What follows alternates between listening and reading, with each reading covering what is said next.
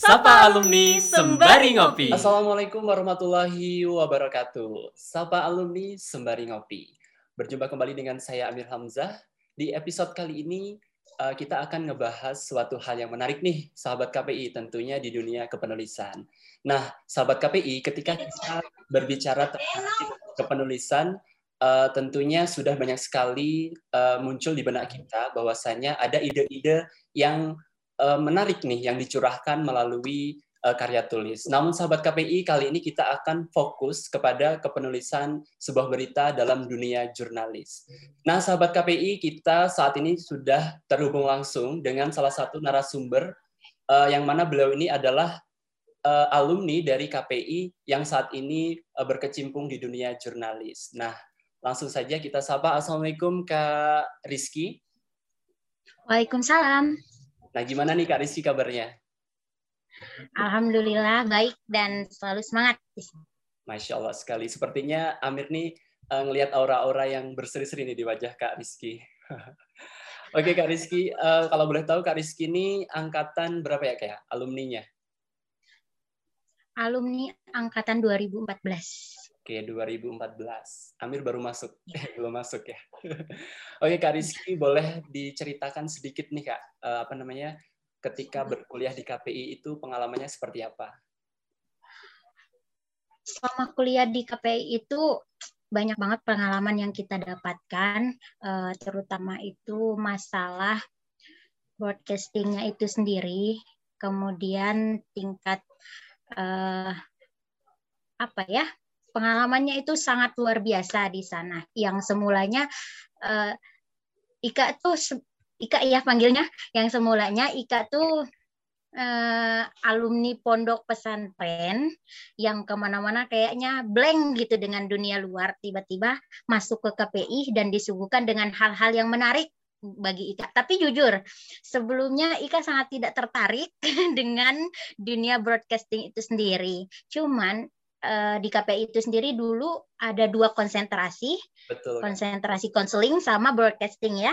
Iya betul. Nah, saya pribadi itu masuknya ke konsentrasi konseling. Tapi setelah terjun ke dunia kerja, uh, maklumlah di sini itu tentang konseling itu masih kurang. Jadi mau tidak mau di dinas itu kita ditempatkan di dunia broadcasting itu sendiri. Dan pengalaman yang saya dapatkan selama belajar di KPI itu benar-benar terpakai di sana sepenuhnya seutuhnya. Yang dulu benar-benar nggak nggak kenal kamera sampai sekarang harus gotong kamera ke mana-mana. Itu pengalaman yang luar biasa. Seperti itu. Luar biasa sekali kak ya. Berarti uh, pengalaman kuliah di KPI itu sungguh apa ya menginspirasi gitu kak ya. Nah kalau untuk Sangat. kesannya sendiri gimana kak untuk apa selama kuliah di KPI Mungkin dari lingkup pertemanannya seperti itu. Nah, selama kuliah di KPI itu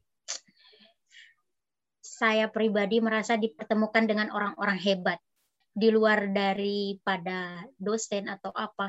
Di sana itu kita bertemu dengan orang-orang yang agamanya baik tentunya kemudian siklus pertemanannya juga benar-benar mendukung di situ. Iyalah setiap setiap pribadi itu mempunyai karakter yang berbeda-beda. Namun di KPI kita bisa menyatukan karakter kita. Jadi kita itu bisa uh, mendorong satu sama lain untuk uh, menuju satu puncak yang bisa dikatakan puncak kesuksesan secara bersama-sama seperti itu. Masya Allah uh, tadi kan Kak Rizky bilang uh, bahwasanya Kak Rizky waktu kuliah kan ngambil konsentrasi konseling ya Kak ya. Ya. Ternyata sekarang uh, pekerjaan Kak Kiki uh, sebagai jurnalis nih. Nah, mm -mm. atas dasar apa sih Kak kok bisa uh, apa namanya bekerja di dunia jurnalis nih? Ada alasan tersendiri atau bagaimana Kak? Alasannya karena uh, jadi Kabupaten Sumbawa Barat ini kan berada di satu pulau kecil lah, Pulau Sumbawa di situ. Nah, di sini itu terkait teknologi dan apa-apanya masih merintis awalnya. Awalnya setelah Ika lulus tuh Nah, jadi di sini itu memang benar-benar dibutuhkan uh, sentuhan teknologi di, di saat seperti itu. Mau nggak mau ketika Ika coba untuk memasukkan ijazahnya Ika uh, untuk melamar pekerjaan yang dilihat adalah komunikasi penyiaran. Betul. Seperti itu dan Islamnya itu agak dikesampingkan di sini bukan karena mereka yang ada di mindset orang-orang di sini itu ketika mendengar kata komunikasi, wah anak ini pintar teknologi nih seperti itu. Nah mau tidak mau kemarin Ika coba karena sudah tidak ada pilihan lagi di sini. Di sini konseling itu masih kurang lah untuk lapangan pekerjaan. Mau nggak mau Ika coba di Diskominfo Kabupaten Sumbawa Barat dan hebatnya sebelum lulus Ika sudah coba memasukkan lamaran pekerjaan. Sebelum lulus SK-nya Ika sudah terbit dua bulan sebelum lulus. Jadi uh, di sana Ika sistemnya kemarin itu yang penting kirim berita, kirim berita, kirim berita seperti itu. Dan selama dua bulan itu di sana sibuk skripsian, tapi di sini juga pekerjaan tetap berjalan seperti itu. Oke kak, luar biasa. Makanya mau nggak mau harus harus di dunia ini karena ya tuntutan tuntutan di sini itu teknologinya perlu perlu sentuhan teknologi di Kabupaten Sumbawa Barat khususnya. Uh, kak kan kak Rizky ini kan di dunia jurnalis ya kak ya? Dan ketika kuliah di konseling gitu apakah uh, nggak ada kendala gitu kak ketika beralih apa ya alih profesi gitu kak kalau bahasa kasarnya gitu? Uh, bagi saya bagi saya pribadi tidak ada kendala sama sekali karena basicnya saya memang basicnya itu ah untuk apa ya uh, basicnya itu memang senang ngomong. Okay. Tapi saat ini itu ngomongnya bukan ngomong secara langsung, tapi melalui dunia tulisan. Seperti itu yang awalnya saya hanya bisa melakukan secara verbal. Nah, sekarang itu saya aplikasikan ke dalam bentuk tulisan. Jadi eh, antara apa yang saya pikirkan dengan apa yang saya tuliskan itu sudah balance. Jadi nggak ada nggak ada apa ya, nggak ada kendala sama sekali seperti itu. Oke, luar biasa kak ya. Uh, jadi berawal dari hobi gitu kak ya. Uh, ya. Dari hobi. hobi berbicara kemudian dituangkan dalam bentuk tulisan. Masya Allah luar biasa sekali. Oke, berdasarkan informasinya Kak Rizky ini kan bekerja di Kominfo ya Kak ya? Ya. Nah, uh, di Kominfo sendiri, di sini Kakak sebagai penulis atau tim redakturnya Kak ya? Sebagai ya jurnalisnya. Oke, sebagai jurnalisnya. Uh, mungkin boleh uh, sedikit diceritakan kak pengalaman selama ini bekerja di dinas kominfo itu seperti apa gitu. Apalagi kan uh, uh, teman-teman yang saat ini masih bingung nih uh, nantinya ketika di dunia jurnalis itu uh, seperti apa gitu. Boleh kak? Jadi uh, suka dukanya menjadi jurnalis itu apalagi untuk seorang perempuan. Uh, tentu membutuhkan keber keber keberanian yang tinggi Nah, di sini tuh di Kabupaten Sumbawa Barat sendiri yang jurnalis perempuan itu hanya ada dua orang, dua orang, dua orang perempuan maksudnya. Jadi uh, ketika ada agenda-agenda dan kita kalau di Kominfo itu tidak dikhususkan hanya untuk seperti humas protokol yang hanya mengikuti bupati dan lain sebagainya kita uh, mencakup ke segalanya. Nah, yang jadi tantangan di sini adalah ketika fotografer kita tidak bisa turun, tidak bisa full tim, ataupun pokoknya partner-partner kita nggak bisa turun tim, mau nggak mau kita harus handle semuanya, baik itu dari segi penulisan, kemudian uh, fotografernya. Jadi di situ tuh butuh benar-benar keberani, keberanian, seberapa beraninya seorang wanita itu tampil di muka umum dengan ya dengan bisa dibilang keterbatasan lah seperti itu. Dan dulu saya pernah ada satu cerita itu acara besar ulang tahunnya Kabupaten Sumbawa Barat di mana semua orang itu menggunakan seragam seragam budaya. Ya, seragam. Baju adat seperti itu. Dengan PD-nya saya datang menggunakan baju korpri.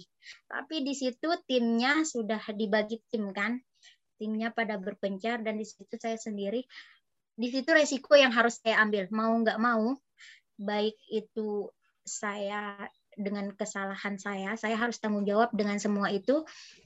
Saya berani tampil di depan umum benar-benar di tengah lapangan yang orang yang dikelilingi orang banyak untuk take video, untuk take foto, tapi dengan kostum yang salah seperti itu. Saya tidak peduli akan hal itu. Yang penting saya beritanya dapat, uh, tanggung jawab saya terselesaikan. Intinya uh, harus beranilah jiwa beraninya itu harus benar-benar ditanamkan sejak awal. Kalau kita dibentak dikit mellow ataupun dikoreksi dikit langsung masukin hati, oh itu, itu bukan bukan jiwanya seorang jurnalis saya rasa seperti itu. Masya Allah, berarti uh, salah satu syarat menjadi seorang jurnalis itu harus memiliki keberanian yang tinggi gitu kak ya? Ya, keberanian dan seorang jurnalis juga harus mempunyai attitude. Betul. Jadi dalam uh, dalam sesi wawancara ataupun gimana kita bisa uh, seperti wawancaranya mengalir saja Uh, tapi kan ada attitude-attitude tersendiri bagaimana uh, cara kita untuk uh, menghadapi atasan, kemudian bagaimana cara kita untuk berkomunikasi dengan baik agar info yang kita dapatkan itu sesuai. Nah, dan yang paling penting kita itu harus mempunyai persiapan yang matang. Misalkan dalam wawancara itu kita harus mengetahui uh, apa sih sasaran kita, bagaimana sih uh, cara nanti kita untuk mendapatkan info tersebut sehingga masyarakat itu uh, sehingga kita dapat menyajikan menyajikan berita yang konkret, real untuk masyarakat seperti itu. Intinya berani saja. Kalau berani apa pun itu pasti ah iya, pasti terselesaikan gitu. Betul. Intinya kunci utamanya adalah berani kak ya. Ketika kita berani mengambil ya, sesuatu, kita ngaruh, berani ngaruh. mengambil gitu kayak. Oke, baik kak Rizky. Uh, dalam dunia jurnalis nih kak ya, uh, tentunya memerlukan hal-hal uh, gitu apa apa saja yang dipersiapkan gitu menjadi seorang jurnalis yang baik gitu kak? Uh, menjadi seorang jurnalis yang baik uh, tentunya seperti yang saya katakan tadi mempunyai mental yang kuat kemudian fisik yang kuat uh, beretitude uh, and then apa ya bisa berkomunikasi dengan baik seperti itu uh, ketika agar uh, sesuatu yang kita harapkan ataupun lawan bicara kita itu uh, memberikan feedback yang baik pula seperti itu. Oke kak. Uh, kemudian nih kak ya uh, dalam dunia jurnalis nih kak tantangan menjadi seorang jurnalis itu apa kak? Ketika di lapangan nih ketika di lapangan tantangan terbesarnya adalah melawan rasa malu. Melawan rasa malu. Malu, ya melawan rasa malu, melawan rasa takut. Kenapa demikian? Karena tidak semua orang itu uh, berani untuk tampil di depan umum. Seorang jurnalis itu dia harus berada gerbang, gerbangnya informasi. Informasi pertama yang didapat itu adalah dari seorang jurnalis. Nah, ketika seorang jurnalis menuangkan informasi yang ada yang fakta yang real, nanti uh, kita juga harus bisa mempertanggungjawabkan apa yang kita tulis dan bukan apa ya, pokoknya intinya beranilah seperti itu. Oke kak, luar biasa kak ya. Uh, begini kak, uh, Amir mau lanjut bertanya nih kak ya. Uh, jadi hmm. ketika uh, kita dalam penulisan sebuah berita nih kak ya, kan tadi kakak hmm. bekerja di jurnalis media center Kominfo Sumbawa ya. kak ya. Uh, di Kominfo sendiri nih kak alurnya itu seperti apa ya kak ya uh, supaya berita itu bisa sampai ke website Kominfo seperti itu.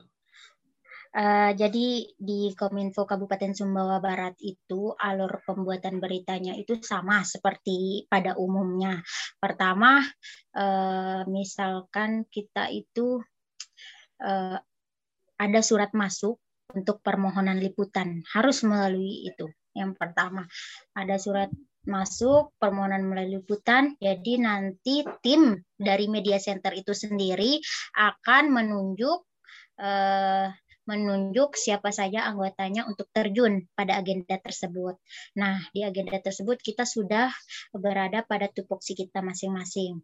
Fotografer, kemudian jurnalisnya dan jurnalisnya itu tidak boleh hanya satu orang, minimal itu dua orang. Kenapa demikian? Karena kita itu harus mengambil angle berita itu dari masih dari masing-masing angle tersendiri gitu. Misalnya Ika ngambil angle yang formalnya, kemudian uh, teman yang satunya lagi akan mengambil dari sisi mananya biar informasi yang tersalurkan itu tidak hanya stuck di situ saja seperti itu. Nah, setelah berita itu mentah kita dapatkan, nanti kita olah.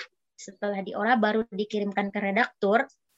Nah, redaktur itu nanti akan uh, menayangkan berita pada uh, beberapa link seperti itu. Mulai dari info publik kemudian uh, link kominfo diskominfo Sumbawa Barat dan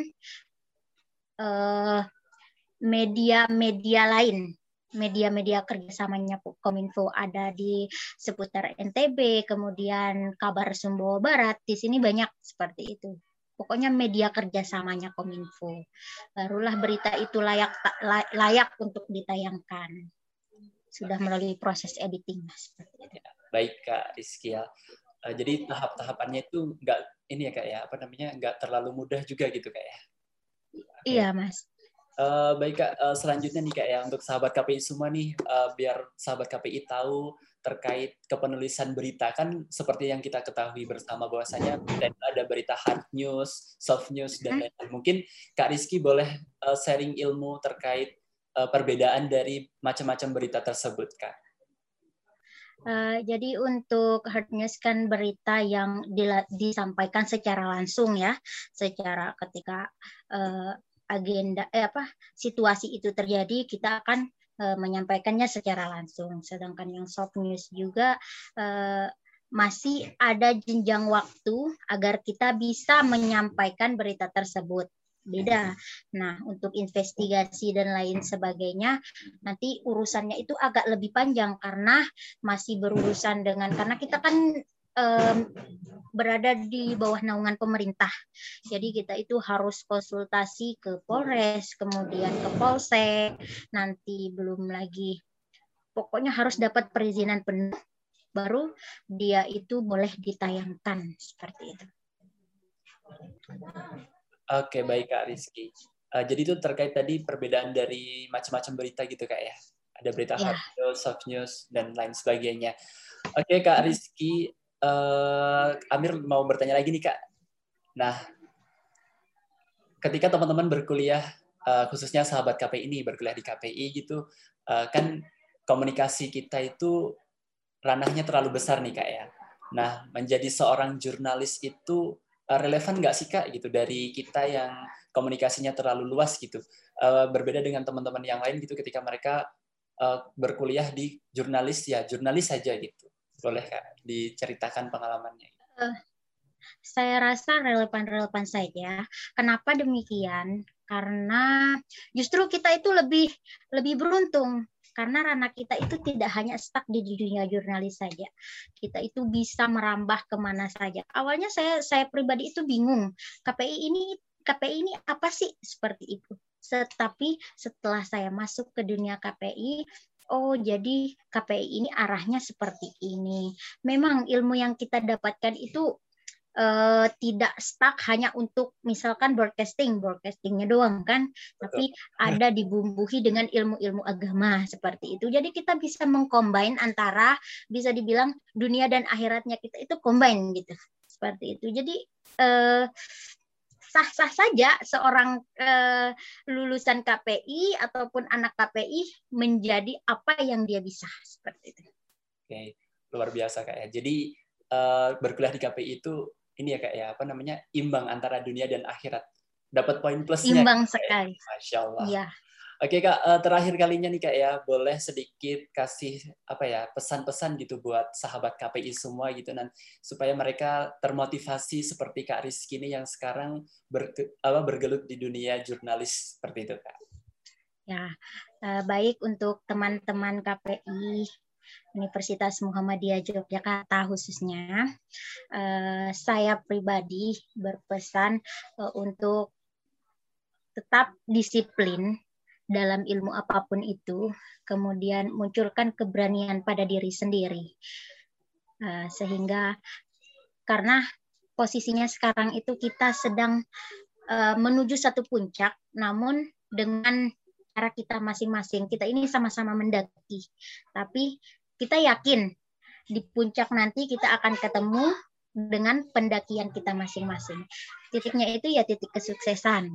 Jadi kita kita semua itu harus menanamkan jiwa keberanian, jiwa disiplin. Ketika seseorang itu sudah disiplin, pasti alur dari kehidupannya itu akan berjalan dengan lancar seperti itu.